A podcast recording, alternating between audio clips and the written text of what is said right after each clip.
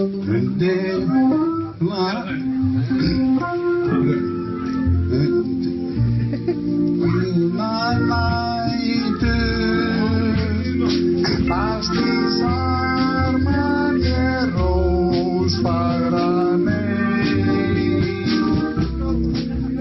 komið þið sæl og blessu Halló, Hæ, hæ.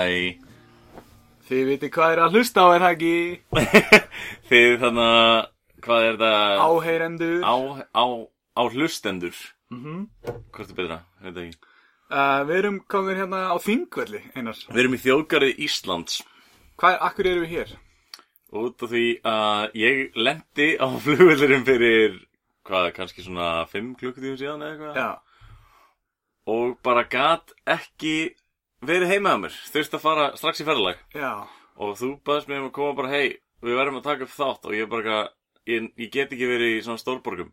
Þannig að við fórum bara í sveit. Já, af því ég var bara orðin svo lokaður inni hana í Stórborginni Ekki nema rigning fyrir sunnan. Ég má ekki að var ágættis veður.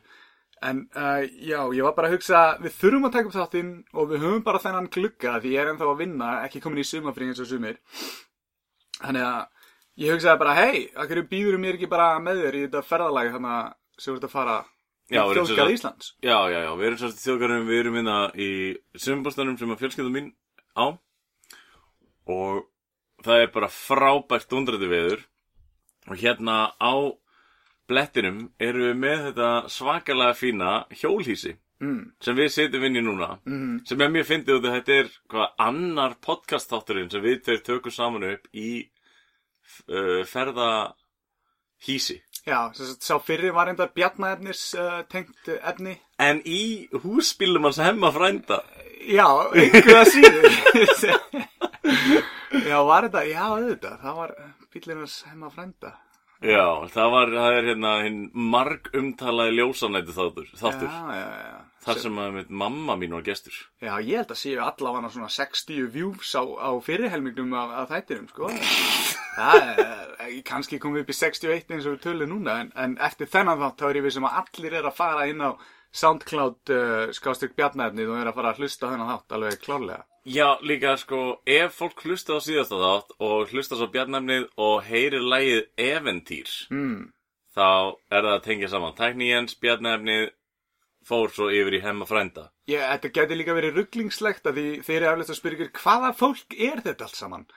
En uh, þetta, er- þetta er allt bara einhvern veginn við og uh, frændiðin þannig að þetta er uh, mjög uh, lítill hópur sem þurfa að spá í. Ekkert vera að spá í því.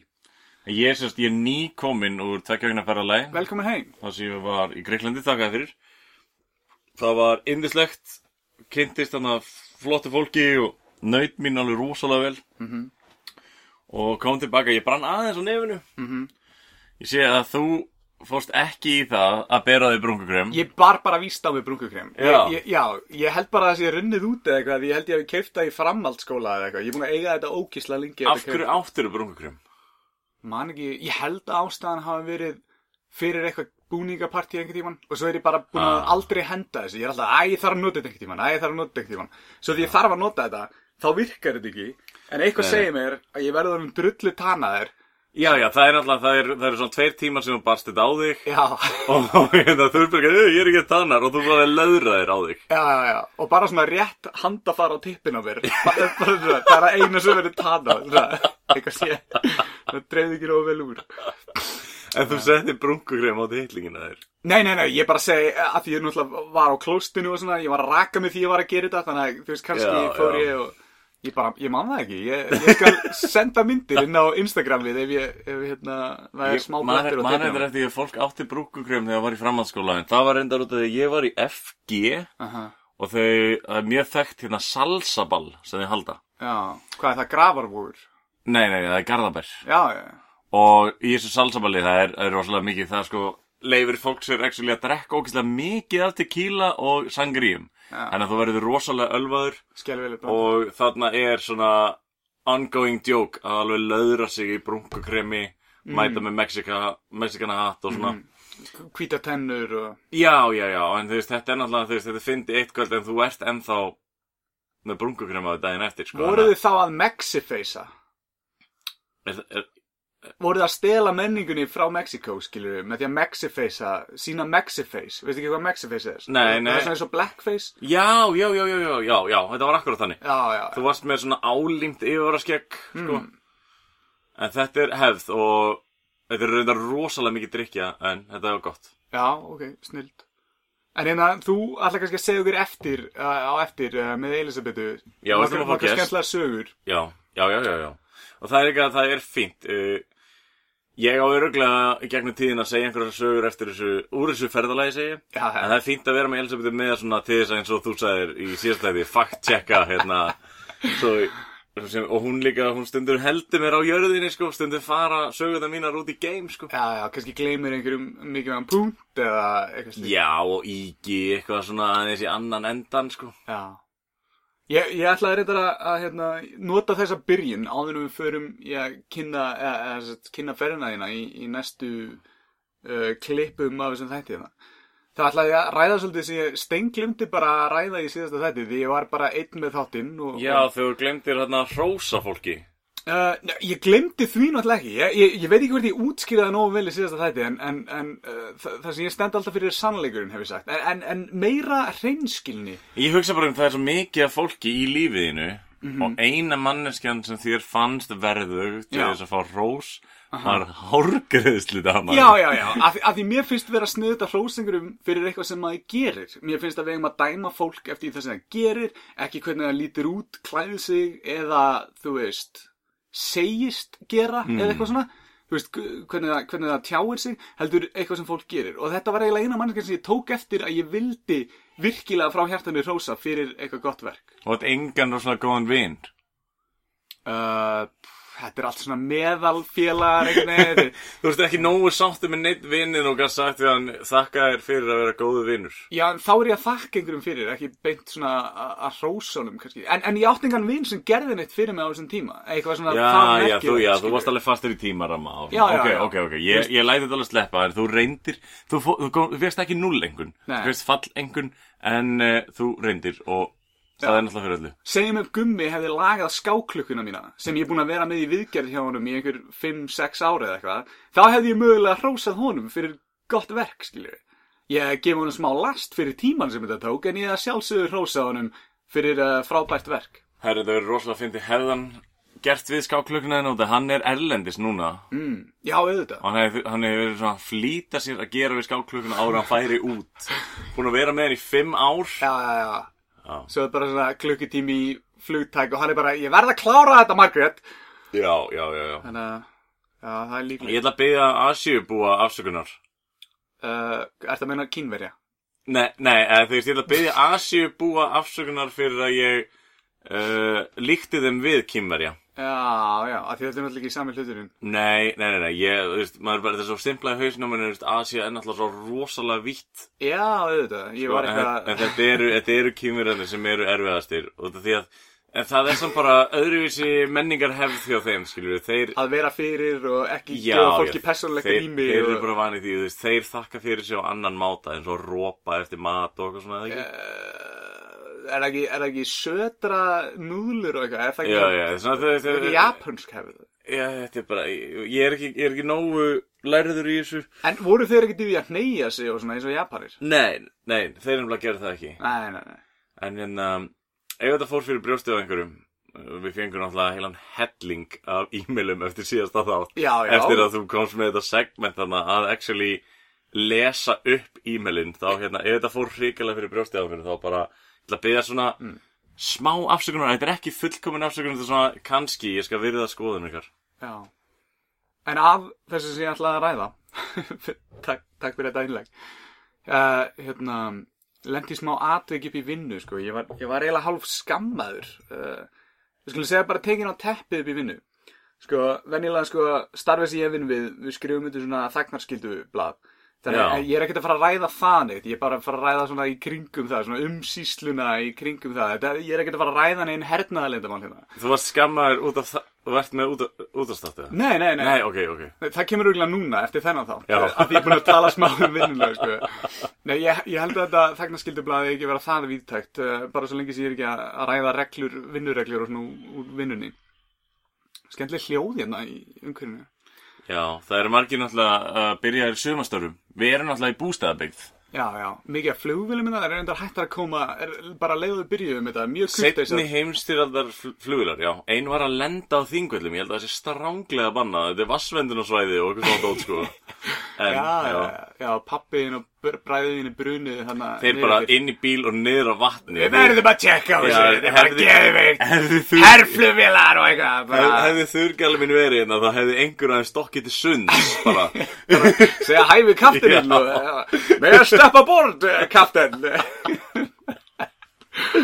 já, það er cool, þetta er cool umhverfi. En hérna, já, ég var svo tekin á teppið og einn af almörgum varstjórnum mínum, hérna, átti mjög erfitt með að þessu upp úr sér til að byrja með, sko. Ég ætla ekki að nefna neitt á nafn, en, en Það er ekki að hrósa honum fyrir neitt. Nei Ég ætla kannski að hrása þeim fyrir að þurfti að gera þetta sko.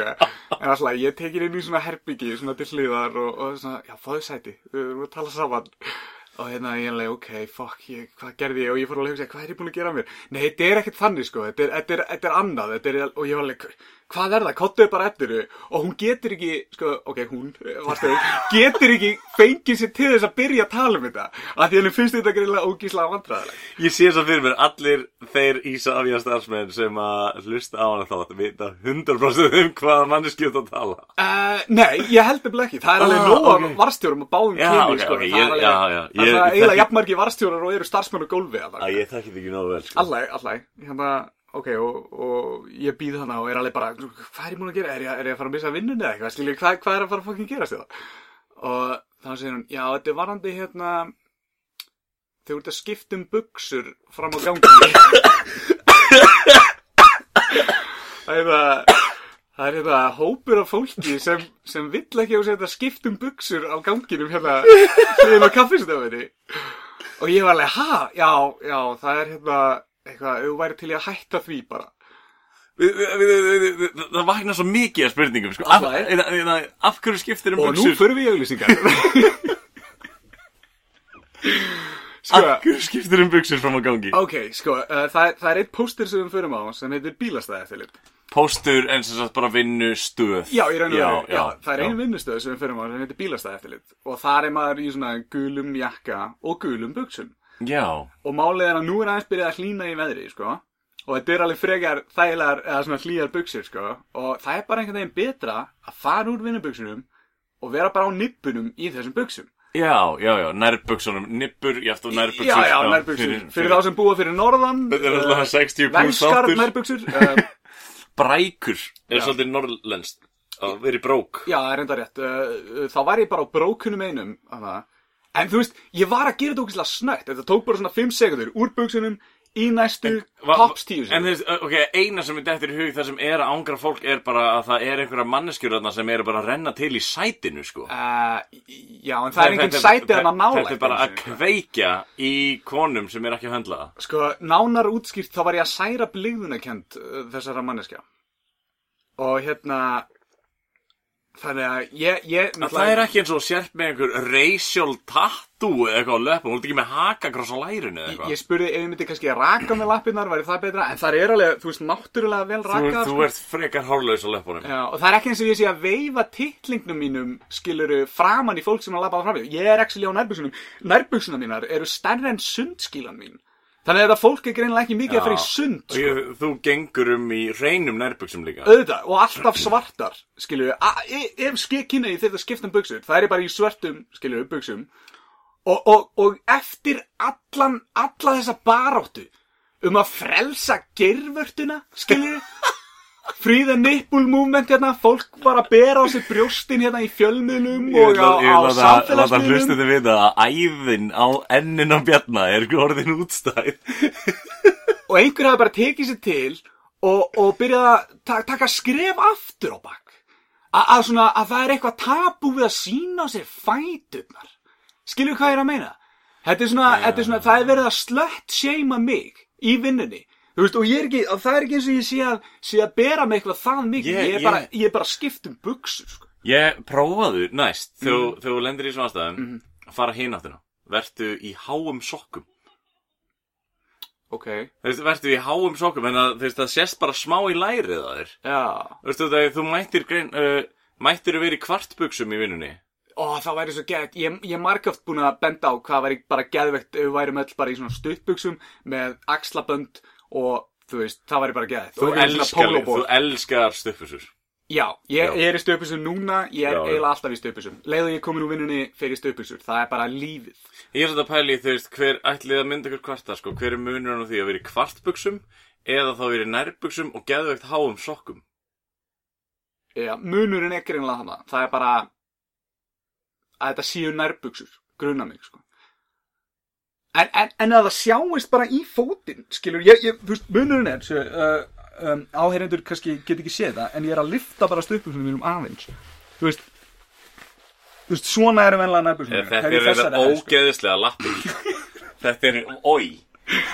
Ég, ég, myndi, ég myndi ekki segja það, ég er ekki sammála þér, ég er ekki sammála þessari staðrind. Nei, þú veist, uh, lappirnar á þér Athugasemd. eru jafn ljótar og útvarpsvertiðinni góð.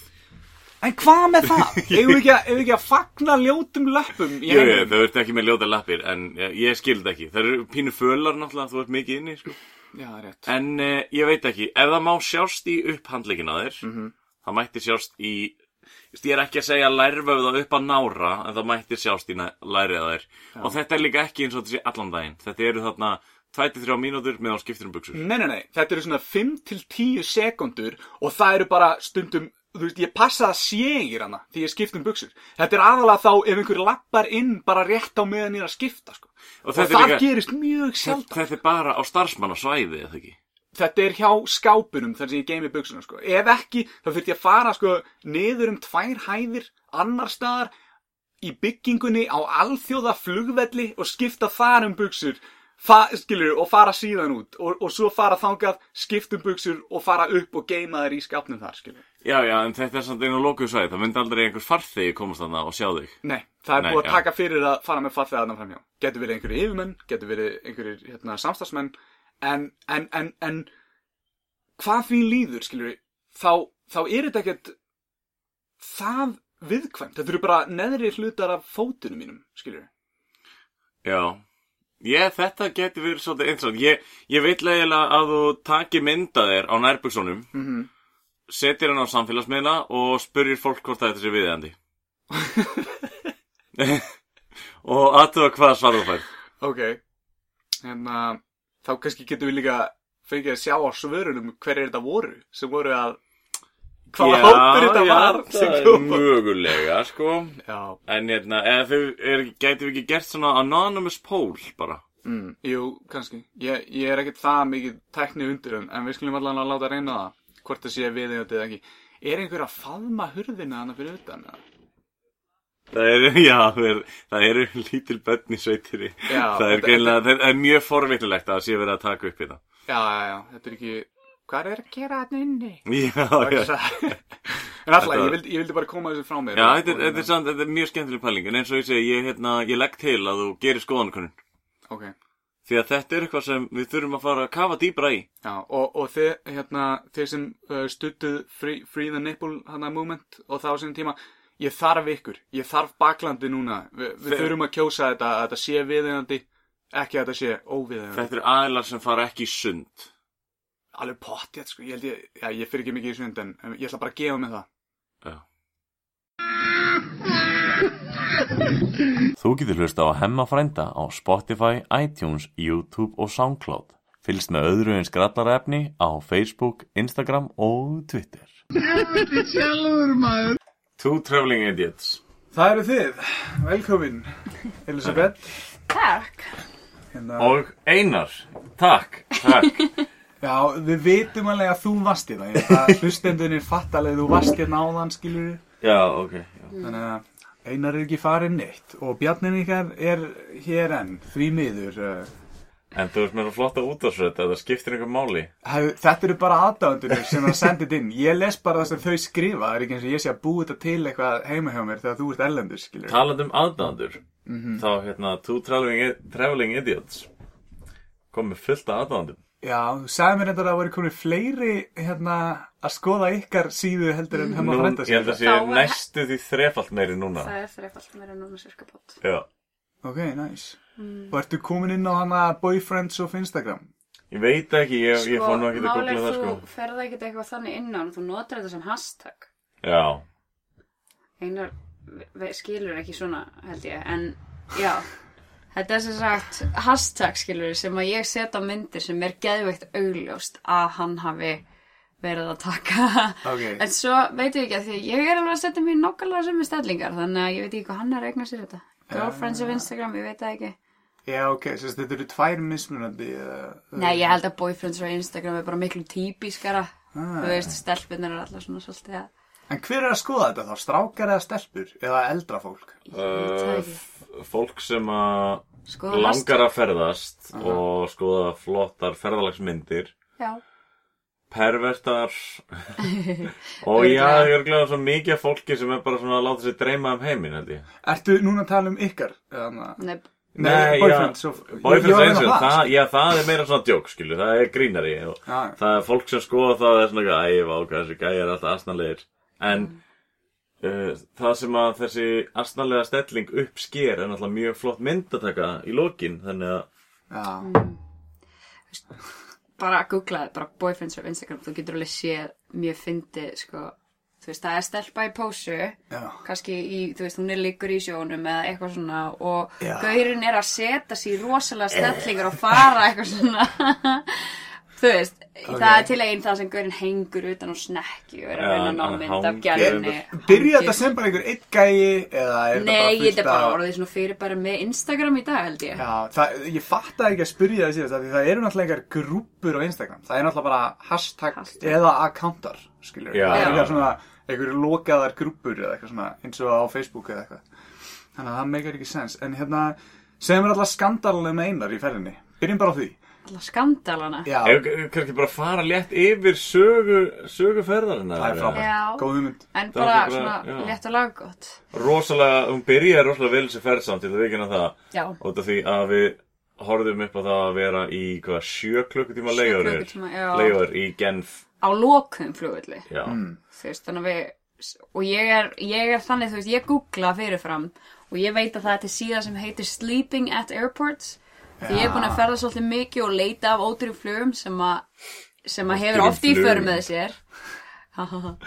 sem að hefur oft í för með sér, maður þarf að vera lengi á flugullum. Þannig að ég er bara búin að finna þetta, er síða sem er bara með, bara database um bestu staðinu til að sofa á flugullum Já. og þar komst ég að því að þessi flugullur er lokaður yfir nótt. Þannig að þú tæknilega sé mátt ekki sofa þarna en þú veist, við eitthvað svona, jú, ætlum að láta reyna á þetta bara. mm. Þú veist, ef okkur er hent út, þá myndum við fara að leita okkur að bara eitthvað hostel eða bar til að chilla á þanga til að hliðin myndi opna eða eitthvað. Já, Allána og hérna við sem sagt náum samt að vera inn í flugvellinum Mhm. -hmm. já, og með sko við hittum, við hittum Svein Já, og kærastan hans Mhm. sem er fólk sem að ég þekki. Já, og svo hittum við Steinar og frænda hans sem er fólk sem að við Mhm. Bæði bæði þekkjum. og svo var eitthvað tveir fréttaþular þarna á leiðinni á Tel Aviv hérna Eurovision. Já, þannig að við vorum alveg pínu grúpa af Íslandingum sem Já, þurfti að vera þarna yfir nótt. Já.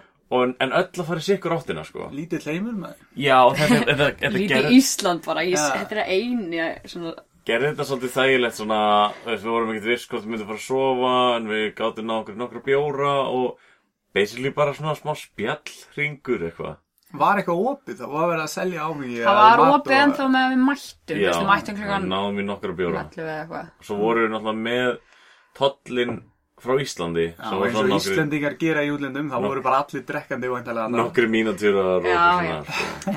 Þetta var mjög, það var sérstök byrjun, þetta var Mm. klárlega skemmtilegast flugvelladvöl sem ég hef upplegað, sko. Já, Ég vil Svo- það er ég bara ein að vera bara eitthvað. Já, þar er mitt svo þurfa að fara í gennum security þar vildu bara allir tala frönsku bara Mm. sama hvað ég sagði ofta ég skildi ekki frönsku eða eitthvað bara, þeim var slett sama já, það er rosalega spes flugullir þetta er Genf eða Sviss er náttúrulega bara ríkt land og það var bara erfitt að fá bara eitthvað svona sloppy samloku eða eitthvað Svo þú þurftir að fá þér bara svona svona fancy morgumall Var þetta allt bara beef tartar og humar og... Gróf samloka með einhverju prumpi á sko. Það var samt alltaf lega bara, en þú veist, ég hefði bara auðvitað eitthvað svona létt, en þetta var, það var ekki alveg í búið. En svo fljúum við bara beint til Santorini sem er eigin úr Abba sem að flesti þekkina Það. er einmitt allir bara, ég var ekki það sem Abba að tekja upp. Ég er svona, jú, en nú- Þess að túrista eigin í Greiklandi en það er mjög fyndin pingruði flugvöllur og flugstöðin er bara svona smá herbyggi bara svo lappi ekki stofuna hjá okkur sem að sækja töskuna sína Já, pínustum henni. En Abba, býtu, er, er einhver mynd Nei, sem Mamma heitir Abba? Mia, Mm. einar, og Abba. Já, ég Já, var að já. spá Mamma Mia það. myndin, sko, Já, með, já, þú já. veist. Ég, ég fattaði samt hvað það voru að tala um en ég alveg, hún hétt eitthvað annað en það voru Já. að vera að syngja Abba-lögin Já, ég, var, ég kveikti ekki, ég bara Ah, tengdi já. bara. ekki Þannig að Santorini var ánega við vorum uppgreitu hótelherbygginu Það mjög næst. og það var Nice. geðveikt flott hérna, hérna bara hótel. Við tókum þetta fyrsta daginn smá afslöpun ég stein Já. svaf í sólbaði og eitthvað. Já, það- þessi ferð var alveg pínu mikið einar að sofa á meðan ég gata ekki. Er það ástæðan einhverju að hann er minna tanaður núna heldur en hann lítur út fyrir að vera á Instagram myndinu Já, Reyndar smá svona rauður á nefinu og bara- enninu. En já, svo hérna á öðrum deginu í Santorini þá ákveðum við að leia fjórhjól þar sem við gátum ekki leikt vespu. Nei, nei, svona koma því síðast að þetta fyrir uh, glögga hlustendur Já, en hérna og þessi eiga er það lítil að við vöknum nógu snemma til að geta kert alla eigina Hefðum ekki eins og þurft að vakna snemma til nei, lítil. Skoðum alla helstu punta. Þar á meðal sem er frægast fyrir eigina er Mm. Ía. Ía, sem er lítill bær sem er þekktur fyrir sólsetur. Þetta er þess að stafa O-I-A og einu Mm. segir alltaf Ója. Ég, ég myndi örugglega líka að segja það En það Þú fór upp á segir Ía. þú Ía. Ía, Já. Mm. Og þar lendum við bara í stærsta lukkupunkti ferðana næstu því, skilur við Já, þetta, Þetta var súrealist út af því að við bara löpum á það um Þetta er svona allt út í pingur litlum hvítum götum og venders og selja dót og eitthvað Já, túrista svæði svona Já, já, við en hendum samt okkur í bara geggjur svona dreamy, þetta er svo fallegt eitthvað. Já. Hendum okkur í gríssalat og grillaðan fetaost eða eitthvað Jeps. Og ákveðum svo að leppa meira og svona svolítið langt í sólsetur en við ætlum að vera þarna út af sólsetri Já. uh, Við setjumst á bar Jep. Og hvað? Einu að tala svo mikið, ég er bara farin að draga mig í hlið. Já, herri, nú já. veistu hvernig mér líður í hverju meinast að þetta Já, ég skilji. En hann, uh, já, við reynum bara að setja þannig niður og voru svona, ok, setjast hérna og sjáum aðeins hvað gerist, af því voru svona pínu að hafa auga og opið, þú veist, af því að það er víst pínu svona erfitt að fá góðan spot og þetta var bara beautiful. Ok, Og hérna, ég finn bara, við erum bara, ég er að drekka rosavín og ískalt rosavín og hérna, og það er svona, byrjar meira og meira fólk að koma. Fórum á klósetti og skiptum með föt Já. Þetta vorum að ferðast allan daginn og orðið eins og sveitt og já, svona því það á ekki að vera að fara úr þannig fyrir framan aðra Það er bara þannig Það veist, já. En hann, já, svo byrjaði að vera lítið kringum okkur og þá var, þú veist, eins og það var veggur svona fyrir ofan, þetta er náttúrulega allt byggt í hæð. Hmm. að það var veggur þarna beint fyrir ofan okkur og það var tróðið að fólki þar. Að þið rétt komið undan bylginni Já, bara. ég myndi Já, bara segja, svona- höfum verið svona Og hálftíma þá komu kýmverjarnir Ó já, ég veit það, já. Já, þeir, það var líka málið sko Við, hérna, við vorum ekkert viss um þessa staðsendingu En áður en uh, við vissum af Það var þetta bara VIP-sætin Já, á sólsetrið. Og þarna vorum við bara með sófasæti og drikki og mat á meðan það var fólk bara svona klifrandi í tröppum og veggjum fyrir aftan okkur að reyna að ná svipuðu sjónarhóttni sko. já. Svo vorum við bara með hérna, hérna bara fyrir koma svona ótrúlega fræg vindmila hérna sem er eiginlega alltaf svona inn á sólsetursmyndunum og við vorum bara með það Ég man eftir, þetta var eina af fyrstu myndunum sem ég setti hann inn á. þetta var, þetta var mjög svona flott mynd og maður var bara, já, kannski allt í lagi að kíkja stundum til útlanda. þetta, það lítur ekkert svo illa út. sko. En þú veist, þetta er svona, þetta er einn ein tíminn í fjöralinu sem ég fekk bara svona pínu óraunveruleika tilfinningu. Bara, er ég bara hér? Veist, þetta er bara eitthvað svona annað, þetta var svona pínu ævintræðilegt einhvern veginn. Já. Þessi upplifun. Þetta var upp á einhver svona bjargi eða ekki að kletti. Já, eitthvað svona. er bara fyrir að vera byggð í kletti í rauninni. Þetta er bara, þetta er bara Þetta er eld, eld þetta, já. Já. Sem var reyndar mjög fyndi, við komum Mhm. aftur inn á sand og ía, en Já. hérna þegar við vorum að keira sérst eigina, þá Mhm. var alltaf sagt við okkur bara eitthvað, You have to go to the red beach. You have to go to the red beach. Já. Bara, þetta er svo geðveikt magnað Bara rauða ströndin og ég bara svona, já, já, ok. Við byrjum að fórum okkur, sá okkur vita þarna Svo bara, herru, við verðum vist að fara á rauðu strönd. Mm. Leggjum fjórhjólunni svona, erfitt að komast að stæði og náttúrulega pínu túrismi á þessar eigi Kínverjar? Já, Ekki bara þig löpum svona fyrir hotn og þá kemur á þessu rauðu strönd og ég sendi reyndar, ég setti myndbandinn þar sem ég er að dansa við að það er gæi actually að spila þarna á harmoniku Ég er ekki búin að sjá það. Hvert settir það inn?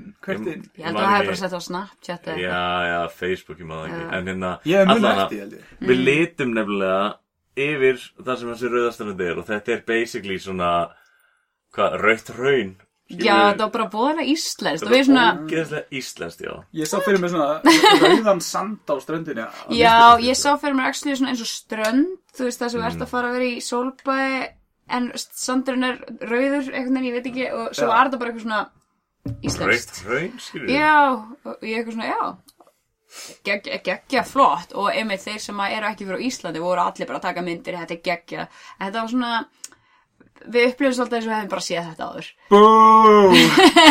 Við eigum svona heima, þetta er umlegt. já, en þú veist, við ákveðum bara að vera þá geta, þetta var auðvitað geggja flott en við en við bara skoðum, sko Tókum eitthvað myndir og þetta var svona pff. Been við-.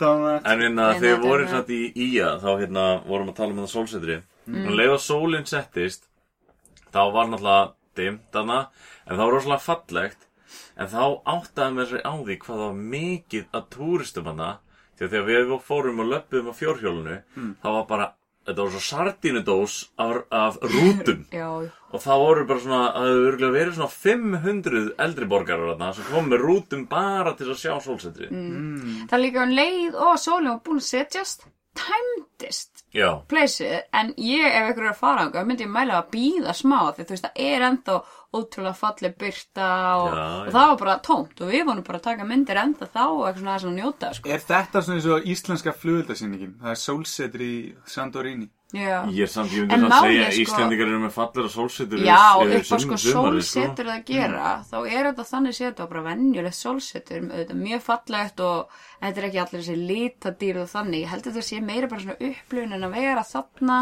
Já, stemningin í andrumsloftinu þú veist það er eitthvað svona. Er þetta ekki bara að því þetta er eldfjallæja og þeir hafa ekkit meira en bara fjallið og þegar við verðum að búa til eitthvað, hérna, þú veist, fyrir, fyrir Þeir- þeir- túristana. Þeir hafa reyndar Já. eitt annað sem við langar að koma svolítið inn á sem við glemdum Það er þetta höfuborgin hana, Fíre. Fýra Fíra, já, þar er lítil höfn sem sagt, það kemur inn í þetta eigin er svona eins og skeifa næstu því. Og hún er svona í miðjun á skeifinu þannig að það var þægilegt að koma skipan þar í logni og það er höfn en náttúrulega byggðin sjálf er svolítið ofalega í klettnum. Þannig að þessi bæri er þekktur fyrir rosalega langar tröppur Mm. sem er einmitt í þessari Mamma Mia mynd þá á Nei, gæin, nei, nei, ekki? Nei, nei, nei, Mamma orka að röfla það. Já, hún var að tala um allt hann Já, ok, ok, já, já, já, þess. En allavega, þetta eru, eru rosa þekktir fyrir þessi tröppur og flestir fara upp og niður þessar tröppur. Þið gerðu það. Já. Við gerum það, við gerum það lappandi því að þarna eru múlasnar. Já, sem eru þarna allan daginn eina sem þeir gerir er að lappa upp og niður þeir fá ekki vatn eða neitt, sko sáum Þeir neitt og bóta svo Biluðum hita Mm. og hérna og allar tröppunar út af því lykta af dýraskít Mm. en Komandi inn á kúk þarna, ja, þarna Tók í langan tíma, krakka. Þarna eru túristanir að láta þessa asna lappa með sig upp og niður og þetta er bara dýranýð, sko. Já, Þetta eru bara þetta er asnar. bara Já, Já, en ég meina þetta er bara pjúra dýrani, sko, þetta er bara upp og niður, upp og niður, allan daginn, ógislega sveittir, þeir eru með járn svona fyrir munnunum, mm, þannig að þeir náðu ekki einu svona, Þannig að ég get ekki talað við fjölmiðla og svona. nei, ég get ekki svo tjáð sig um hvað er að gera við það. en það er reynda, það er líka svona cable car, hvað heitir það á íslensku? Já, já, já. Og getur Svona farið... vagn bara. Já, svona eins svona og svona skíðaliftar, sko. Já, Getur en það kostar bara meira. Já, En við tókum bara hörkuna á þetta, bara líka sættina, vorum með bakpoka og löpum hann upp og niður. Já. Hvað er það langt, heldur þú? Cirka. Ég veit ekki, en mér langar rosalega... sko, þetta eru held ég hátt í 700 tröppur og síðan getur þú farið ennþá lengra upp fyrir ofanbæn og það er eitthvað þúsund tröppur. Já, þetta er eitthvað þúsund tröppur eitthvað. Mér langar rosalega, ég er að taka saman, þessa, ég er alltaf með úr sem að mælir, skref og svona tótt. Mér langar svolítið að taka saman þessar tvær vikur sem við vorum úti og þegar við löpum eins og brjálæðingar flesta dagana. Mér Já. langar að taka saman skrefafjöldan allavega sem ég lappaði í Greiklandi Mm. og póstunum minn.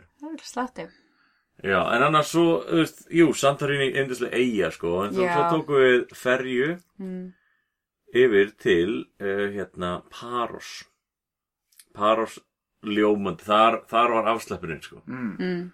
Og eins og ég sagði í símtalinu, þetta var lítill, hérna, svona sjáarbær sem við vorum, sem heitir Já. Nása, sko, við vorum ekki í höfuborginni. Nei, nei, ég er búin að samt öllum þessum nöfnum sko. já, Þessi fara skrýtin samt nöfn. allir, svona túristendur fara meira til nása heldur en pa Paríkja Já, ok.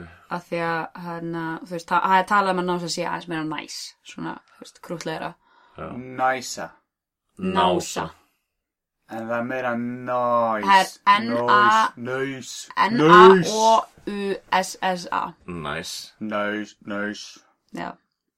En hann að, Hvað gerir þið þar? Chilla bara á strandinni? Nei, nei, nei, nei, nei, en við tókum hérna- nokkra slökuna daga. Já, við fórum einn daginn að kafa til dæmis, Mhm. Sem var mjög flottu dagur. Hmm. Hún fór og kafaði, hún Elisabeth, ég er ekki með sömu réttindu Elisabeth. Elisabeth er komin miklu lengra en ég, en í köfun, ég er þannig sem ekki komin neitt. Ég hef bara prófað þetta en ekki komin neitt réttindi. Hún er alveg með fullan réttindi, sko. Já. Hún fór og kafaði, Mm. Í gömlu, sérst, eða það sökk svona ferja, starfið Norrænu fyrir 20 árum og þú þarft að vera með advanced réttin til að komast það niður, þetta er alveg 30 metra djúft en þetta var geggja, þetta var fyrsta svona rústa köðunum mín og það er sérst ferja og það er bara bílar þarna inni og þetta er allt ótrúlega svona heilt og þannig að þú sér bara að það var bara átjónhjól og drukkur á hafsbótni Það er merkilegt. og ég, þetta er, þetta er held ég ein besta köfun sem ég teki, ég er komin upp í 30 okkar káðanir Hvernig, þegar þú ert svona onni í vatninu, hvernig, Mm. þú sérð alveg langt í burtu frá þeir að að fara svolítið nálægt flakinu til að sjá... mm, það fyrir bara algjörlega staðsetningunni. Þú veist, þegar þú fyrir að kafa í silfri þá var við bara eitthvað 100-200 metrar sem þú getur séð fram að því að vatnið er svo tært sko. Já, en já. þetta var, mér minna að það var svona 30 metrar svo sást, já. þú veist, þannig að þú veist, um leiðu ég var komin aðeins og ofan í sko,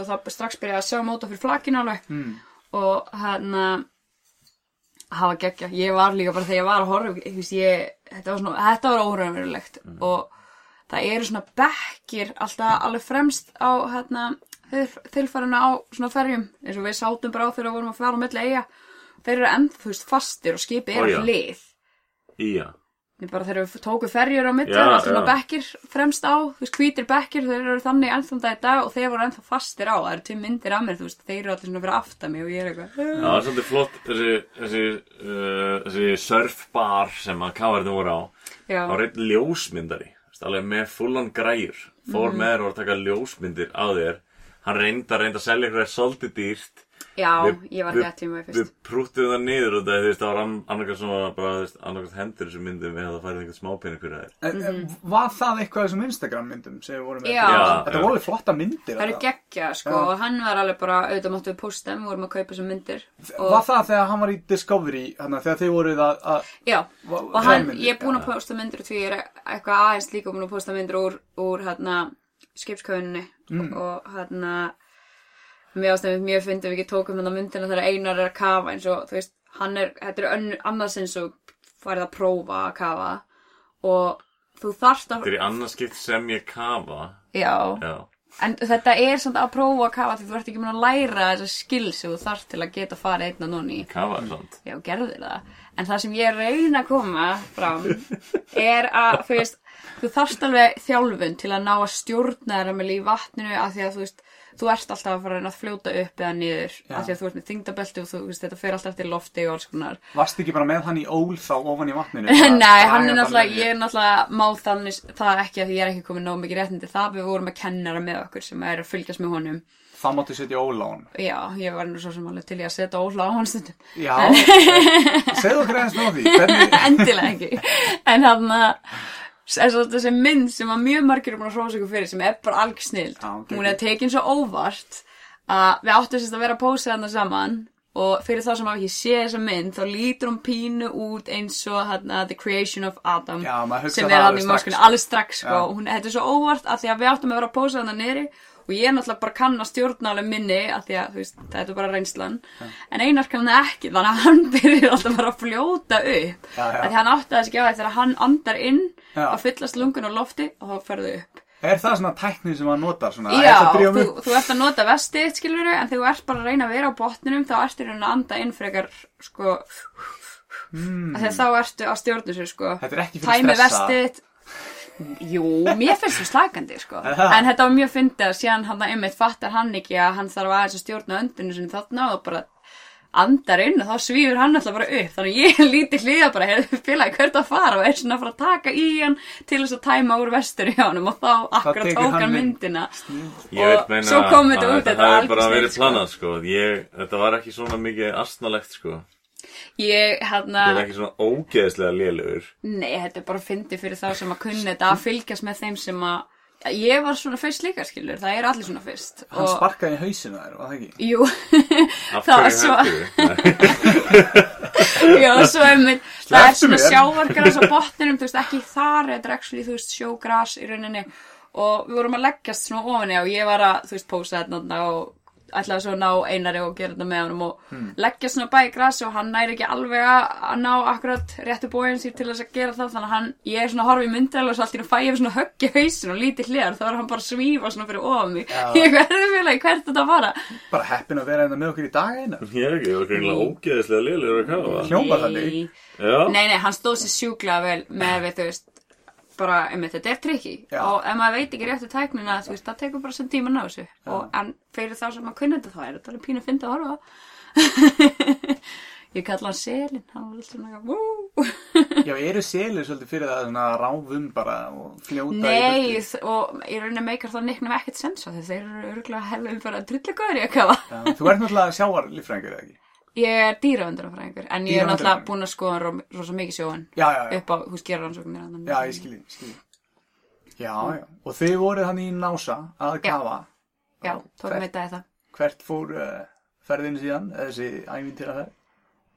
Við tókum alltaf þá bara eitthvað, tvo daga bara á ströndinni, að slaka á og hann og tókum bara róla og bara að njóta lífsins. Massa mojito og fundið einhvern, einhvern, einhvern nýjan drikk, var það ekki? Ekki nýjan en hvað, það, þú er sérfræðingur í honum, sko. já, þetta er bara svona samblanda af Moscow Mule og Mojito Já. Já, já, já. Ég er rétt svo náð að drekka sko, ég var svo ógeðslega lélugur að kafa sko. Ég var ekki búin að jafna mig Einu verður alltaf mókaður. En það er bara það sem, það gerir þetta miklu skemmtilega. Ég, ég held að ég væri ekkert að spurja svona, svona pointi spurningar ef hann myndi ekki taka þetta bara undan sig, sko. Nei, mér fannst það standa svo ógíslega vel en þetta var samt alveg fyndið. Já, hann er voða fýtt strákur hann einar. Það er, við skulum bara hafa það á hreinu. En hérna, jú, þetta var mjög góð drikkur sko. Já, Hér. Já, en uh, þú ætlar einmitt að kannski að blanda hann einhvern tímann fyrir mig, er það ekki? Já ég kefti reyndar ekki í það í fríöfni sem ég eftir því en ég drekk reyndar svo lítið áfengi að Já, Bara í sumar einhvern tíma, fyrir Já, já, já, Já, já, já, já. Þú veist, var þetta Danmörkur eftir nokkra vikur, þannig að já. við breytum leiðina heim þá. Ok, klárum þessa ferð samt. Já, já, við já, hann, já, Ég veit ekki, við fórum að hérna Þið voru út um allt bara á fjórhjólunum með það. Já, og hérna fórum heim. eitthvað á strandina hana og voru svo, við fórum eina ferjuferð til Mykonos Hmm. Svo náttúrulega, þú veist, þetta er ekkert svo mikið glamúr þessar ferðir, sko, ég ætlalega að við það því að þetta var alveg gífurlegu kostnaður, þetta ferðalag, sko Hmm.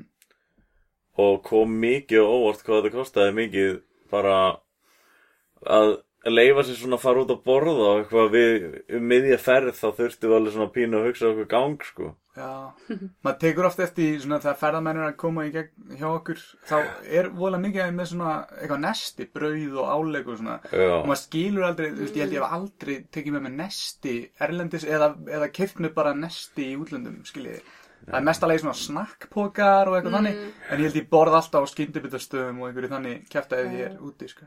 Já, en þú veist eins og Er þetta ekki bara þessi íslenska aðferð? Það er bara að bara fara alltaf út að maður er borða náttúrulega svo og... vanur að sé allt ódýrara þegar maður fer Já, erlendis því Ísland er náttúrulega fáránlega dýr bara með önnu lönd. Mm.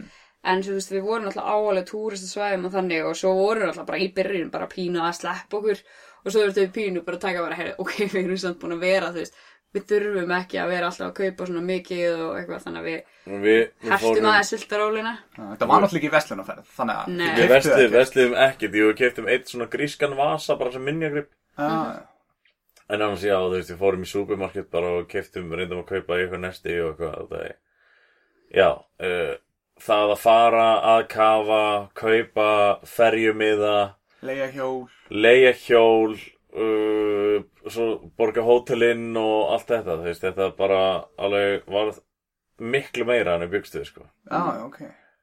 Og hérna, Var bara, hérna, nota krítakortið og svæpa því bara það var uh, pínu sparnaður þarna sem fór. Já, En hérna, við fórum svo til Mykonos já, sem er á að vera partíeigja. ok En þið voru ekki með pening, þannig að þið fóru bara Nei, við vorum bara svo snemma og var ekki vaknaðir eftir tjámi kvöldi áður, sko. Já, þið voru, þið fóru fyrri partin Ég spurði með einar aðeins, hann sagði, nei, við verðum bara niður daginn, eitthvað Já, það var ekki tægt að fara eitthvað um kvöld nema og hafði Nema alltaf hafðir gist ekki gistað. þarna og Ok. þú veist, það hefði, það hefði kostað Mm. að veist, gist einhverstaðar eina nótt held ég. Já, já, að þetta er svo, svona, kannski lítið að plossa á þessu reyju og þá er kannski hvert herbyggi dýrara, er það að meina það, eða? Nei, nei, bara, þegar þú tekur bara svona eina nótt einhverstaðar þá er þetta alltaf happa glappa held ég hvort það fáir herbyggið ekki. Mm, skilði Já, en svo komum við, við fórum einu sinni flott að borða eftir sultaróluna mm og þá fórum við rosalega flott að borða og borðum alveg risa humar sem var 1,2 kíló. Á En- hausa, ég næði þess ekki, voru það Nei, það er bara svona. já. 600 gram af humar bara Mm. Já, og hérna var rosalega flottu veitingastæður og góð þjónasta Mm. og það var svona semi eins og að fara íslenskt fínt að borða þú veist, Mm. það kosti alveg það mikið Já. mm. En þessu verðið þið eða? Já, þetta var nálega upplifun, sko Þetta er allavega fyrir mér verður þetta alveg svona máltíð sem að fer bara eitthvað sem maður mun ekki gleyma. Já. Svo maður á nokkrar þannig þegar maður er búin að ferðast mikið, eitthvað sem er bara svona special. En hvernig, fenguðu humarinn bara borðið eða, eða var einhver gæi sem taklaði þetta fyrir ykkur og... Já, það komið með svona borð við hliðin og borðinu, þú veist, og settu þannig að hann, þú veist, já, skar hans undir fyrir framan okkur og svona verkaðan svona stærsta partin og svo fengu við hann til, þú veist, hann, og þannig til hliðar, þannig að við gáttum fengu svona töng, svona sem maður sér í bíómyndum og þannig. Já, ég fór einu sinni að borða humar hann að nála þengurum flugvelli í Boston ef mann rétt, þegar ég var yngri. Og Fyrst hérna, svona smekk. Ég fekk, það voru smekkir, já. Já, smekkir, það var allt í lagi. En svo var ég, ég var þarna með pappa mínum og frænda mínum og þeir fengu, fengum okkur humar, allir. Og þeir fengu sér, hérna, sigrun humarinn. Og þegar ég fekk minn humar á minn disk, þá kemur bara einhver gæi og, og hérna kremur hann og tekur allt kjötið úr honum og svona bara fyrir mig og, og hann eyðilaði upplifunina mína að ég gera þetta. Og ég var bara geðveikt pyrraður út máltíðina. Og ég var ekki orðin 21 þannig að ég pantaði mér alkoholfrí bér sem var þess að 0,0% bjór já. en ég mátti samt ekki kaupa hann. Þannig að ég fekk mér bara skilur eitthvað annað. Sem fann, og ég var gett að þræta að gæna það, það stendur hérna alkoholfrí á honum. Hann já ég veit. 0,0% aha og ég alveg, má ég ekki kaupa? Nei, þú ert ekki orðin 21 ég held ég hafi verið 20,9 ára það var mjög kjánlega Þannig að, þú veist, þú- hum, síðasta hum, eða svona stóra humarmáltíðin var bara, og henni var rústað. Þetta var skelfilegt sko. Þannig að mínu upplifun að humar hefur alltaf verið slæm sko. En þú veist, það er bara eitthvað sem ég vildi gera. Mér langaði svo að geta að taka, þú veist Gera það sjálfur, svona Já, opna já, hann og verkan það- Þess að það var svona vesen, sko. Hann er Ég var til í sko. það, ég var alveg tilbúin í það sko Þú veist, og, og mér Ég fannst hann stakk mér á puttanum á þessu. Já, ég, ég vildi upplifa það ég, Mér fannst þess að hann rendi með upplifuninni Þannig að ég hef kannski átt að panta bara nýjan vera Þetta er með svona eins og þegar að kaupir nýjan síma og gaurinn í búðinni tekur hann plastið af Filmuna símanum, af. filmun af símanum, bákaði pyrranda því það er svo satisfying upplifun. ah, Alltaf sé bara alltaf alveg Ó, já, Bara, já, ó, ég var bara fyrst við- mók, fyrst ég við var bara ekki erum- grun, þetta er fyrst- bara, óh! Fyrst við erum að tala um þetta, þá hérna, fyrsti samlokusíminn sem ég átti, ég kefti mér að minn svo sjálfur. Ég kom nýr á vestæði til pappa, geði sáttu með síman og sína pappa síman og hemmi frændi satt til hliðin á honum. Og pappi var eitthvað að skoða síman og hemmi frændi eitthvað svona, hvað, leið mér að sjá þetta? Tók síman og fyrsta svona, eitthvað, hvað er þetta? Og rýfur filmuna af skjánum. og ég var bara svona, fyrsti síminn sem ég kefti mér sjálfur og hemmi frændi tók filmuna af, af skjánum Já, og þess vegna skuldar hann okkur nafnið sitt eða þér Já. og þess vegna erum við að nota hann í dag. að restin af þeirra ferð þá hérna við tókum hana alveg fjagra klukkutíma ferju til Aþenu Þar svaf einar einmitt Mest Já. um partinn og ég var að deyja ég á ferjunni? mjög auðvelt með að sofa bara hvar sem er sko Já. Og Elisabeth hatar þig fyrir það. já, Skulum bara orða það þannig að ég sé bara öfundsjúk Út í svefnir hans. Út í svefnina Ertu ég... þú alltaf svona að svona slá hann smá utanundir eða svona, á, á, vaknaður? Eitthvað svona, Ah, Æ, æ, æ, sorry klípa nefið hans eða eitthvað Nei, svona. svona Ég skal að svona- vikna, ég hef gert það, sko hún, hún tekur ekki að. Hún tekur gluggasætið í flugulni og ég sopna bara svo hún getið vakið mig þegar hún þarf að fara á klósetið. Á, ég skil þig. Hefnum, ég var bara útlutað þessum sætum En ok Skiptaði með Ég- að ég- ég, ég á samt- að vera hér. Mér, mér er samt ein, ég hugsaði út í það í flugi, þú veist, ekki svona beint eitthvað út á okkur, en Ja. mér finnst að manneskjan sem er í glugganum, hún megi ekki halla sér upp af manneskjunni í miðjusætinu. Því að manneskjan í miðjusætinu, hún má halla sér upp að annar hverju manneskjunni, sko, Ok, af hverju sikkur með þessu, en ekki hinnar manneskjuna að miðjusætinu. Ok, sko, af hverju ættir þú ætla að vilja halla þér upp að hverju svo þú þekkir ekki Nei, þóttu þekkir hann. Muna ok, en- óvart eða? Ok, hann Nei, er bara eitthvað að pyrra sig verið að vera að halla mér upp á hann. Aha, aha. En hann, að- nei, sko, reglan er samt, þú veist, það er náttúrulega armrest Já, já, og sá sem er í miðjunni á að fá tvö. já. Það meika sens, sko. Já, og sens. sem hefur gluggan, hann, Hann getur fær hall- eitt og hann- hallar sér glugganum Já. og síðan fær sem er á ganginum, þú veist, hann fær Svo eitt auka auka pláss, og auka já. pláss fyrir lappirnar og Gæti svona. þess vegna, já, geimt Þú veist, þetta eru kostur og út. gallar og svona, þannig að það er mjög pyrrandi þegar þú ert í miðjusætinu og fólki beggja megin við er að nota, þú veist, þá ert þú komin bara í bara eitthvað svona sjálfheldi þannig líka. Það er rétt. Það þyrfti eiginlega að skrifa bara litla svona, þú veist, hvernig ert að haga þér í flugvél. Já, Já. önnur pæling sem ég Já. líka alltaf að pæli er sko, ok, núna er sko, þú ert með borð fyrir fram að þig Mhm. sem er hluti af sætinu fyrir framann. -hmm. Sá maður kefti það sæti, þannig að hann þannig sé á sætið og ef þið farið að rífast um annarkvort að gæin í sætinu er eitthvað að skella sér í sætið þannig að borðið hristist Já. eða þá að manneskjan er eitthvað að banki borðið þannig að sætið hristist Já. hver á réttin, hver borgaði fyrir það Ok, borðið sem er aftan á sætinu í honum, skilur, til fyrir þér.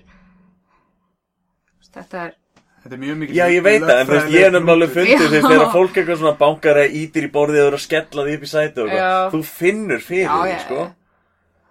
það er samt ótrúlega mikið af svona óskrifum flugreglum eins og það eru sumir sem eru bara alveg á því þú eigir ekki að halla sætinu aftur. Og sem Já. að ég skil ekki að því að þú veist, ok, ef að manneskja fyrir fram með halla sætinu aftur, þú veist, það er pínu en ég að til dæmis verandi eina af þeim sem að bara, ég fæ ógeðsli í baki og leiði sest niður í flugsæti og þannig það er bara, það er bara algjört hefðin fyrir mig að geta halla sætinu. Já, við vorum einmitt í flugvel sem gast ekki halla sætunum, við vorum Mm. í svona alveg lá, lá fargjaldaflug.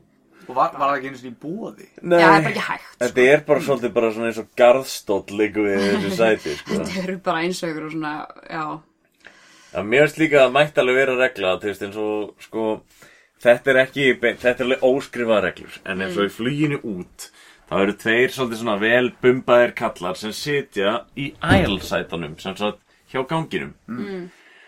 Þegar flugilin er komin í loft og svona, þá standa þeir bara báðir upp, standa á ganginum og spjalla saman geðið hátt. Þannig að fólkið í svona meters radius er með einhverja kalla svona vofandi yfir sér og horfa allt, sér, allt sem þú ert að gera og er að tala okkur hátt. Þeir eru að tala um sjávarútveg. Hvað, á ennsku eða? Nei. Íslendingar. Já. Já, þetta er sko sjáarbusinessin er eitthvað sem snertir okkur öll, þannig að þeir sem Þeir vildi ekki verið í þetta. sætu þeir hefði getað sitið sikkur með yfir gangin og sp- halla sér yfir og spjalla það sko voru þetta einhverju svona marelgæðir eða hvað? Nei, Súðavík eða eitthvað svona kjæstaði sko Já, já, hvað var að frétta úr businessnum? Eitthvað, spes? Ég, ég, svona Hvernig er loðunan þessu? Ég var eitthvað að pælja að detti niður þetta Ég náttúrulega tengir smá svona sjáadraslinn Svo var ég bara ekki Þú hefur þetta það er standið upp að vera með, jú, þú hefur þetta að gera það. Þetta var mjög mjög astanlegt og líka það sem þú gerir þegar þú ferðið að fljúa, Bjarni. Þess vegna stiði þetta svo heilsuver að til- upp Já, já, og þú, stendur og- upp, þú ræðir ekki máli, þú bara fer í göngutúr. Já, maður þarf aðeins að reyfa sig, skilur Þa, Það er ekki holdt að sitja svona lengi Þú ert svo hefi ölvaður. Og lifjaðir, ekki glema því En já, við sem sagt hérna fórum að þennu. Já, Gistu þar á hostelu, kynntust alveg aragrúa skemmtilega fólki. Það er svo Já. gaman, uh, bæ, uh, kostur og gallar, en uh, þegar fólk heyrir á sér frá Íslandi, þeim finnst það geðveikt spennandi. -hmm. Við vorum myndið að tala um þetta, þú veist, ef ég myndi prófa að fara í ferðalega og fara á hostel og segja bara alltaf að ég væri frá Pólandi Mm. Og prófa svo næstu helgi að segja ég væri frá Íslandi og sjá viðbröðin, sko. Það er einmitt, ok, nú er ég búin að ferðast töluvert og til að byrja með þá fannst mér þetta alltaf geðveikt gaman, þú veist, þetta er bara svo auðvöld að kynnast fólki þegar það er frá Íslandi, það verður alltaf svo hissa, vilja spyrja svo mikið, en svo fer það að eiga sömu samræðunar aftur og aftur og aftur og hverju í hosteli fyrir sig og hvert kvöld fyrir sig, bara þannig að maður verður pínu þreytur að þess að Já. maður er svona, æ, stundin langaðum bara að segja ég séu bandaríkjunum með eitthvað. Ég er alltaf verið að spyrja um Björk, Eyjafjallajökul og eitthvað. Já, það er bara eitthvað, ó, og svo líka kemur þetta og bara, oh my god, ég hef aldrei hitt neitt frá Íslandi og ég eitthvað, ekki fyrsta sem sem ég heyrði þetta Þú veist, þú veist, fastur í svona small talk lúpu. Já, Þegar þú þannig ert alltaf að kynnast hostel Já, fólki. En mér finnst það ógæslega gaman að vera á hostelum þá er ég sem var alveg bara, jú, ég held að við ættum að gista á hosteli að þenni, það er bara þú veist, maður komir pínu ógi okkur döðru þú veist, þú þurftum bara að socialize aðeins Já, já, ég skil. Og hérna, já, við, og reception gellan á hótelinu, Mm. hostelinu segi ég, hún þekkti, eða, besti vinur hennar er Íslendingur og þetta er fyrsta skipti sem hún hitti Íslendinga á þessu hosteli. Og Já. það veit svo til að það er hemmi frændi. En hún sem að, gummi. Gummi frændi. bauð okkur að koma með sér út að drekka á svona local bar sem var alveg rosalega upplifun. mm. Og svo fór hún einmitt með okkur út að borða daginn eftir og á sko veitingastað þar sem hún hefur ekki eins og geta talað ennsku. Já, það var það mikið lokal. Og Það er svolítið næst túrismi að, hitta einhvern sem kann á þetta, veit hvað bestu staðir þú getur Já, á og, og, og, og allt það, í staðan fyrir að reyna bara að finna eitthvað og enda á einhverjum geða dýrum stað kannski eða eitthvað. Já, Já, með bara einhverja samlöku með skingu og osti sem er vold. Vola var hún almennilega samt, var hún bara, já, já, kíkjum bara og fáum okkur að borða og Hún var fá- bara svona geggja opin og skemmtileg og fannst það ógeðslega gaman að hitta Íslandinga og var bara fyrir okkur drasl og Hún er kannski bara einmitt í starfinu sem hún fílar, það er einmitt Greinilega, að sko. socialisa og hitta Ég fólk. meina, svo sá hún alltaf, hún var hann fyrsta daginn og geggja gaman og svo komið hann tilbaka fyrsta kvöldi svo vorum hann sko. nætu ætti að verðurinn var einn leiðilegasti þunglindi maður sem við nokkuð um að kynna. Hann, hann let, veist, þetta var ekki youth hostel, veist, ekki verið ungtólk heldur fyrir alla aldurshópa, en öllum leið eins og verið svona 12 til 14 ára í kringum hann. Já, ég, vá, ég mun aldrei að því að, byrja, þetta var þannig, við vorum að koma tilbaka og þá, þú veist, þegar maður nota líkilkortið til að opna útidyrahörðina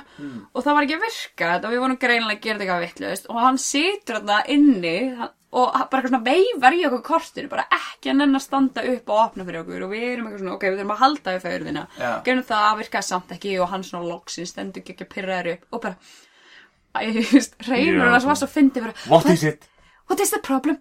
og maður bara eitthvað svona uh, og eitthvað og það voru eitthvað að gera þetta vittlust og honum fannst þetta bara geðveikt heimsk Skildu þið ekki bara eftir bila svona léla umsögn um hérna gæja? já við Já, erum það- ekki búin það- að Það gera það líka flestir Já, og það, við- það kynntist hinn í gælunni og hún sagði bara að þú veist að koma allir og tala um hvað nætuverðin er Það Já. fyrsta sem það var svona, það var terrors hérna, Býtu á pappans fyrirtæki eða eitthvað, hvað er hann að gera Ég þannig ef það hann þúlir ekki þess að vinnu svona mikið? En það var bara, þú veist, það bara var, að vera að gera eitthvað annað. það var svona si- sitting area, þú veist, á þakinu Já. og það fyrsta bara, fyrstu kynni af þessum gæja var að við komin niður úr liftinu og vorum bara svona að spjalla saman venjulega Mm. nótanum og klukkan hefur verið kannski svona hálf ellefu og við nei sjáum hún er, hún er akkurat allir hún er akkurat ellefu, já ok, við sjáum Býtu, býtu, ekki- ég vil fá það hreint. Var hún halvellu eða var hún akkurat ellu? Af Því þetta skiptir úkislega miklu máli í þessari sögu. hún var akkurat ellefu. Að þetta ásko að vera þögn eftir allu Já, og við komum út úr liftinu, við sjáum ekki eins og gæðan, hann sér okkur ekki, við heyrum bara svona inn gangi bara og við vorum bara eitthvað, what? og við eitthvað svona, vó, vorum við að tala hátt? Eitthvað svona, að þetta voru bara svona eðla samræðar og við erum núna ekkert eitthvað svona hátt, bara að spjalla ekkert Var eitthvað þetta Georg Æ, Bjartfræð? ég, það var uh, gríski Þetta var- karakterinn, hann, var Já. bara, hann var með svo, þú veist, Georgi?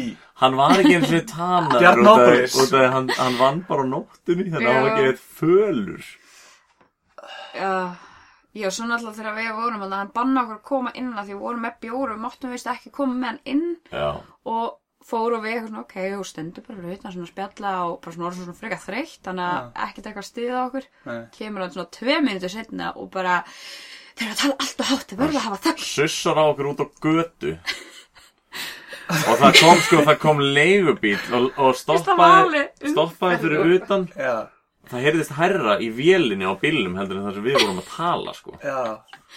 Ég held að þetta sé svona gaur sem er bara okkur power trippi eða eitthvað. Og við vorum líka, við lítum bara hvort annað, bara eitthvað, við lítum þessi, ég sé eitthvað svona unglingur og það sé verið að skamma mig. Svo vorum við reyndar, vorum, við, fórum náttúrulega, já, í aðinu að taka það fram, við, við sáum allar helstu rústinnar. Við ætlum að benda fólki á það, ef það fer til Egyptalands, Gríklands, er að sjá einhverja svona fornminjar, að fara fyrst á safnið.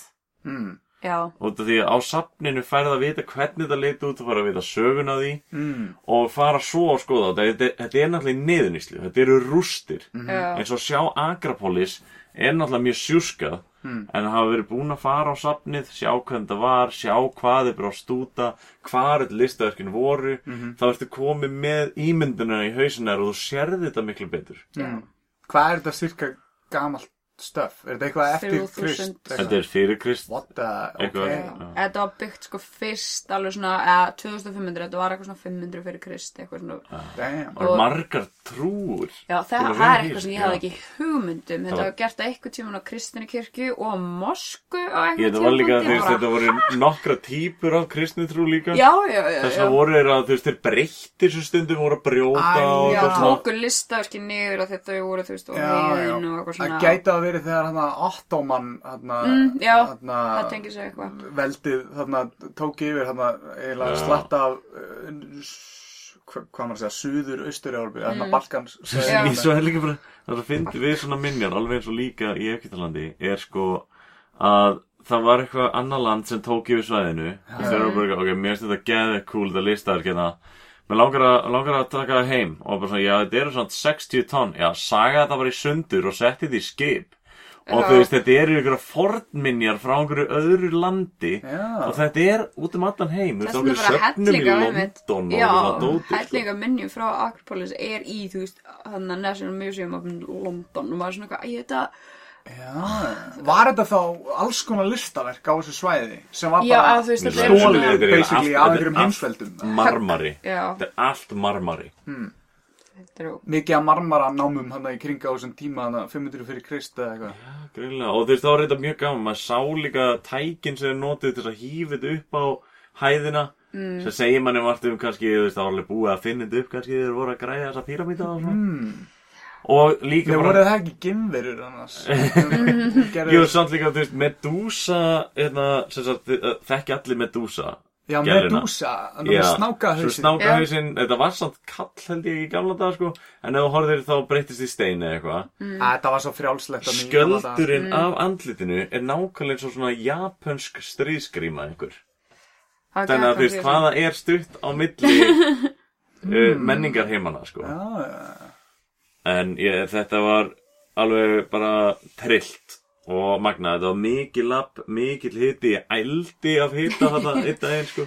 Já. Senstu daginn þá, þá var heitstafn hjá okkur 31 graða í borg Já, við, já ég, ætla, ég ætla að segja að þegar við vorum hana eitthvað Temple of uh, Sus. Ó, Þá hérna, einmitt vorum við skömmu. þetta Hvað? Ég var að búast við að heyra, heyra miklu meira skúpum einar hérna.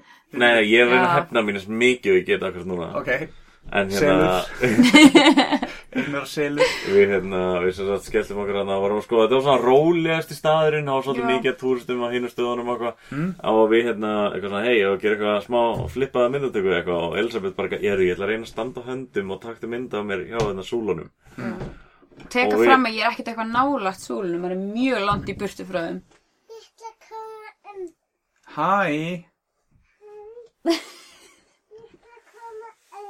Hann ætlar að koma inn Já, þetta er frændi minn hann Flókið Þórisson. já, Hann er hvað, þryggja?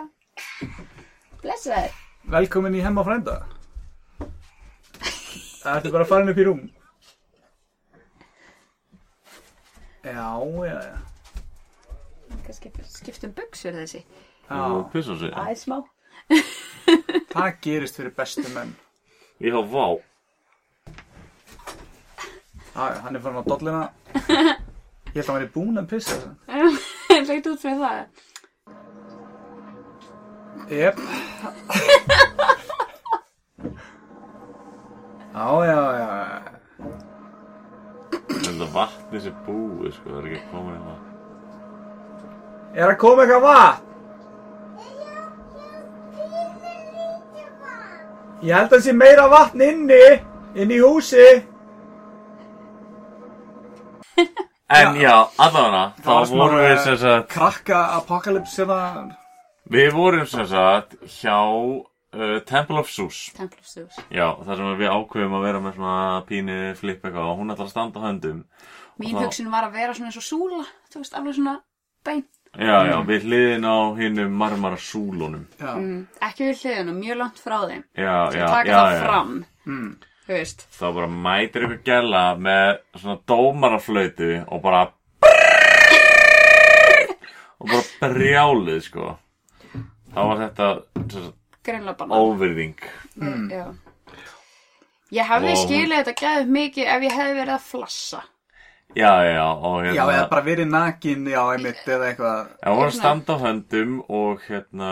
Hvað er að því að standa á höndum? Hvað er að því að fara úr buksunum í vinnunni? Ég veit það, þú veist, bara, þú veist, við ættum eiginlega að stopna einhvers svona samtök sem vinna gegn því að fólk megi ekki standa á höndum fyrir framann einhverjar súlur í Greiklandi og fara úr buksunum í vinnunni. Og hún sem sagt, já, hún, hún alveg baða mig um bara, að ég þurfti að dílíta myndinni og eitthvað. Sem ég reynda gerði ekki. Wow, bad boy, man. Uh, En annað fyndið atvik reynda sem gerðist, hérna... en sko, ég er samt að segja, þú veist, ég vel að koma frá mér leið í alvöru, mig ég skammaðist mér geðveitt mikið, sko, Mm. af því ég gerði mér ekki grein fyrir ég hefði verið að gera eitthvað ránt, sko. Fyrst ég, að fólki í kring. Já, ó, ég var þessi tólvarbann, ég var bara á fyrir ekki, ég, ég bara gerði mér ekki grein fyrir en, en Var ég, ég uppliði ekki og ég hefði verið um fíblaði, ég var bara, þú veist, ég var geggja að vanda mig bara gera, taka geggja flotta mynd, þú veist, ekki, þannig, en var þetta systir nætuvarðarinn Ég er um þetta spá í því, sko, því við lendum greiðlega í svona mikið fólki. Það hafa verið eitthvað poetry, sko. skild, sko, mjög svipuð, sko. Þannig, Ég meina, leittist bara greið konu, þú veist, það var aðeins action í vinnudaginn. að- já, Annars svona atvik sem gerðist með verði líka, sem var samt hjálpsamur verður, var þegar við vorum á Akrapolis. Hmm. Og vorum að lappa sérst hringin í kring, þá ég var með eitthvað svona pyrrandi drasl í nefin á mér og ákvað að bóra í nefið og fæ bara lúsandi blóðna sér. ok, og það er geðveikt heitt og ég er með skegg og við, það er, við erum ekki með neitt pappir eða neitt þannig að þetta alltaf byrjar bara að leka í skeggi á mér mm. og lekur bara meira og meira blóð og komið við tenninar á mér og þú veist, liðin alltaf var bara ok, hvað er í gangi? var þetta eftir köfunin eða var þetta eitthvað svona? Nei, jú, þetta var- eftir köfinu. Já, já Það var náttúrulega bara mikill hiti og eitthvað. Og einhver ein gæla þarna sem reyndi að hjálpa mér eitthvað og sagði mér að halla mig niður Og talaði bara spænsku, að hann eitthvað, og bara blóð allstaðar fyrir neðan mig á marmaranum og eitthvað svona og svo kem ég hér loksins og við sáum svona þeir eru með svona einhverjum fornminjum já. Þeir eru með Nei, við vorum svo bara gangust í þarna. Já, þeir eru- með svona litla skúra þessi, ver, þessi verðir sko. Já.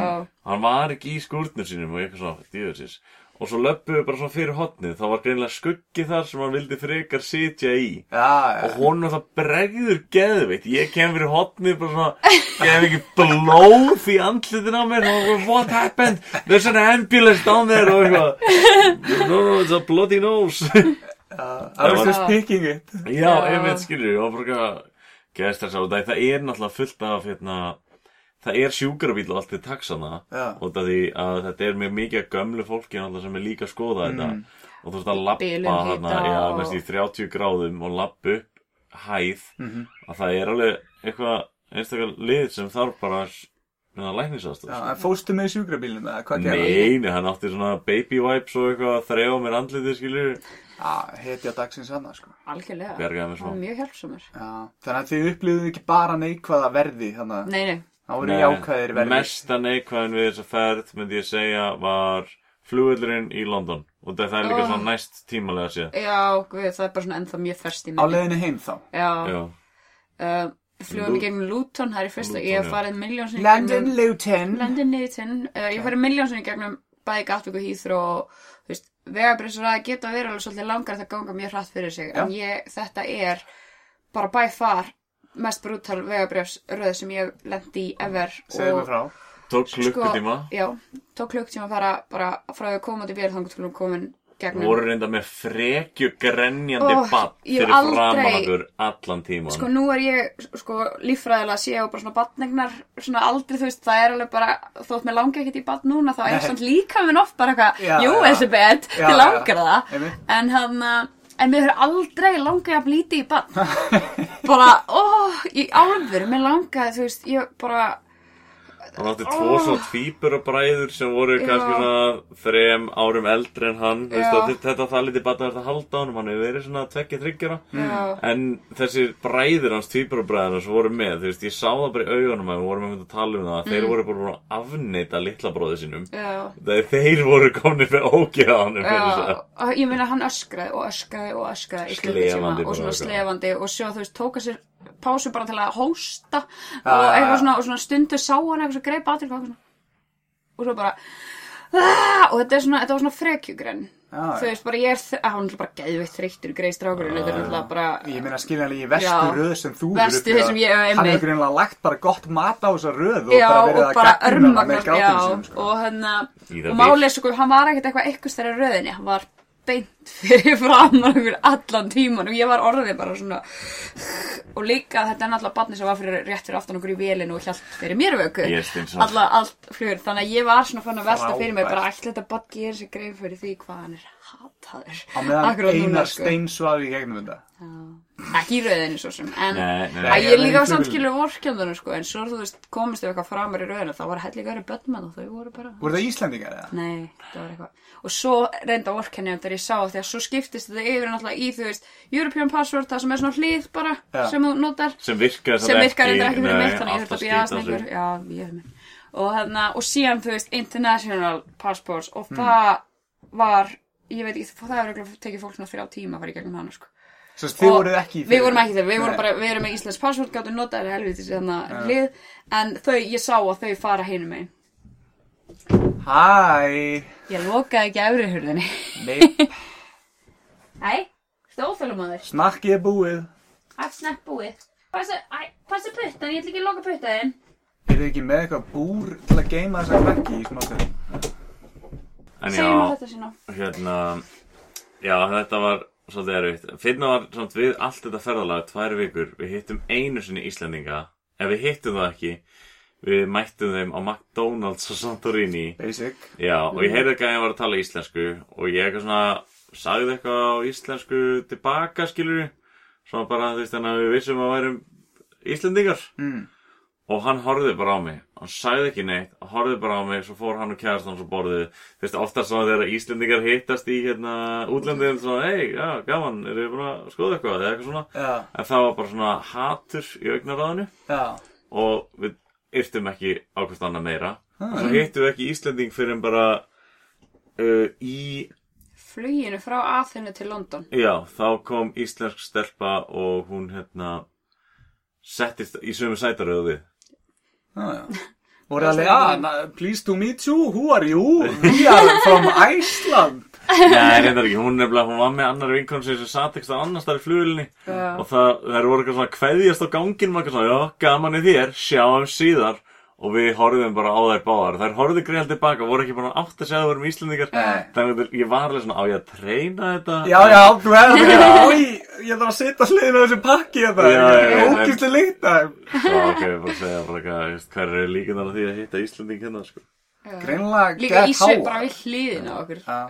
Varst það mjög fyndið. Það er oft þannig svona, þegar maður er búin að vera erlendis, Já. maður talar alveg hátt og snjált íslensku af því maður veit að það skilur engin mann í kring. Er svo þegar maður kemur á kostur. flugvillin, Já. þá fyrir maður svolítið að fara að vallega, sko. Já, það er líka svona skrítin upplifun, sko, uh, að, þú veist, þegar maður er búin að ferðast lengi, kannski ykkur að vikur eða mánuði, að þegar maður kemur heim, sérstaklega eins og ég er yfirleitt vön að ferðast ein, Hmm. og hérna, þú veist, kannski ekkert sem búin að vera í Afríku ykkur fjóra mánuði, bara ekki hitt Íslanding, ekki talað íslensku, svo er það alltaf bara svona við hliðið á leiðinni heim eftir kannski 12 tíma ferðarlag seinasta flugi þá allt í einu bara íslenska allt í kring og maður bara svona, wow, ég er að fara heim Já.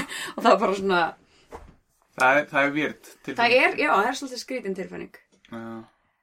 En annars, já, þetta var ótrúlega flott frí Það var gekkja. bara fylgist ég með okkur á Two Traveling Idiots. Já, og hérna, þetta var dýrt samt. Uh, Gríkland getur verið dýrt. Maður þarf svolítið svona að hugsa svo smá um áður maður hérna fer út. Eða þú veist maður er að skipulegja sig og ætlar að hafa þetta innan marka sko. Mhm. og já, ég veit ekki. Hefur einhver loka orðum þess að þetta ferðalega eða? Bara, þú veist, ég, ég var orðið var fyrir það að margir Íslandingar ferða svo mikið að fara bara til þess að þægilegu landa en ég mæli bara geðið mikið með því að fara í frí svona aðeins meira út fyrir þægindara mann. Og að því að þú veist, jú, það er margir sem til krítar og eitthvað svona þannig en mér, við gerðum svo mikla góð blöndu af því að vera svona pínu aktíf og þannig. Bæði chill og aktív. Já, og þú veist, ég hefði aldrei nenni að fara í tvekja vegna frí og vera, þú veist, á hótel og spáni eða eitthvað þannig. Nei, það verður fljótt þreytt, sko. Já, og Nei, þetta var er svona sniðugt, sko. Meira út fyrir, eða þú veist, ég mæli bara gæðið mikið með því að reyna að fara út fyrir það einn drama sinn. ég ætti Það er ég, margir ég, sem að gera það ekki. við kynna það, þú veist, chilldagarnir okkar sem voru þarna þrýr eða fjórir Já, þú veist, inn á milli ég fekk svona lúms samvinskupið það var svo pínu erfitt að chilla Já, Já. að þú gæti verið að gera eitthvað annað, skoða eitthvað Það eða upplifa eitthvað. já, en svona ég var þakkladur en svona lúms samvinskupið mm. og eða eitt sem við gerum, við reyndar við keiftum mér á vasa sem minjagrip og ætlum svona að reyna að vinna okkur það að kaupa eitthvað einn grip og safnaði svona smá ferðalags hillu, memories Mm Cool, þið getið síðan geimt öskuna hjá hvort öðru í þessu ef annað eitthvað deyr fyrst. Já, ég var endur alveg búin að plana hvernig það verður þegar ég degin, ok, jú, það er hugmynd líka. Já, var það ekki, þú eru brend og allir komið í blómafötum. Já, í... Já, þú Nei, ert þú nei, sko, þú ert ég- ekki búin að plana hvernig þú deyrð Nei, nei, nei, en hann að... Það er ákveðin ferðalag. það væri ákveðið ferðalega nei, nei, uh, sko uh, það er, það er bara, ég held að sé banna á Íslandi en það er einhvers þar ælendis hægt að fá duftker sem er með fræjum í og þú er, þú veist, þegar búið að brenna það þá er það sett í þetta duftker og það er grafi og þú breytist í tré. Mér finnst það geða fallega hugsun. Treebeard. Ég held ég myndi vilja vera í svona flugeld. Þú veist, mixa mig saman með púðrið og svo skjóta mér upp og sprengja mig og Og svo ég rigni ég til yfir svona- fólkið. mér langar ekki að láta þig þér rigna ef mér er banni Og ég læt skjóta þessu upp fyrir framan þig. alveg. Þetta er tímul.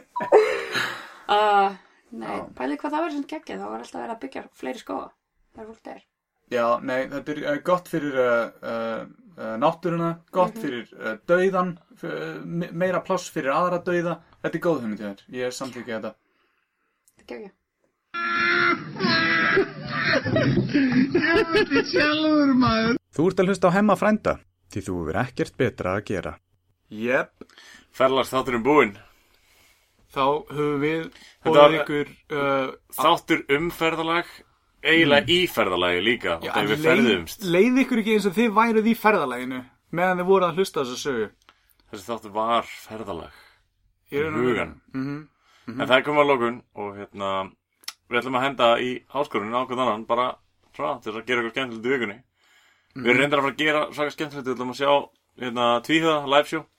Já, við erum að fara einmitt á þriðdagskvöld, mælum með, uh, ég held sér í háskóla bíói, það er endar allt uppselt á A-svæði sem er örgulega bara eh, fremstu pallanir eitthvað, en við erum á B-svæði, ó já. Að í B er. gæðin á þættirum okkar, þetta er svona B-gæði, en ég meina við þurfum að læra þeim bestu og þess vegna erum við að fara að sjá þá. áskorun mín til þín þessa vikuna er sagt að taka við, á heimilinu þínu er náttúrulega heill hellingur af hlutum Hmm. ég vil að þú takir þrjár myndir af hlutum sem fari í taugaðan að þér heima hér Bara, i, i, svo lengi segir inn fyrir framdýra hurðina. já, já, svona, já, svona innan heimili sem, e- það má vera í garðinum eða eitthvað svo leið, skilju Já, ok. Þetta er alveg skuggalega nálægt challenge-inu mínu til þín, sko. Nú, Sem er að taka þrjár myndir af hlutum heima sem skipta þér rosalega miklu máli. Eitthvað svona kannski hlutur... dat- Dattir ekkit an- dattir ekkit í hug og þú bara snýrir minni áskorun við eða? Uh, nei, uh, eins og þú manst kannski, þá sagði ég þér hvað ég ætlaði að skora á þig áður en við byrjuðum að taka upp. og þú sagðir, ég er ekki með neitt handa þér. Jú, þú ert að reyna að ná selfie með Jóni Gnarri að segja hann kjarta sinni og ég er ekkert, það á kannski ekkert eftir að hefnast, kannski er þeir bara eitthvað, ok, ég ætla samt að reyna það, en, en fyrir það, ok, hérna þrý hlutir sem fari í tauðan á mér heima. Já, svona, já, svona væri svona, æ, þú veist, maður sleppa þessu, þetta, þú veist, he, he, hefur böggað skilju.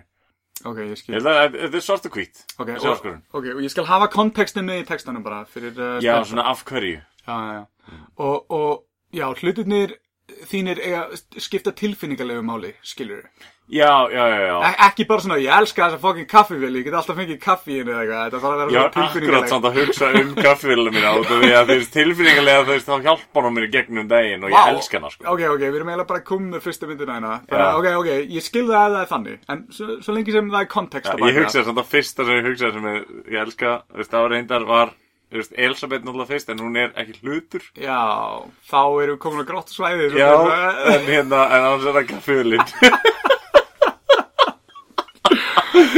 já. Uh, ok, en uh, já, uh, þá held ég sé bara komið annars í dag. Uh, Þakka ykkur fyrir hlustir, bara hemmi frændi er ávalur. það er hann, hann er mjög ávalur maður og, og En hemmi frændin er samt ykkar. Já, þú, þú verður nú samt að að prófa að lesa uh, þessar setningar sem við hérna. Takk, takk, uh, sjáumst næst.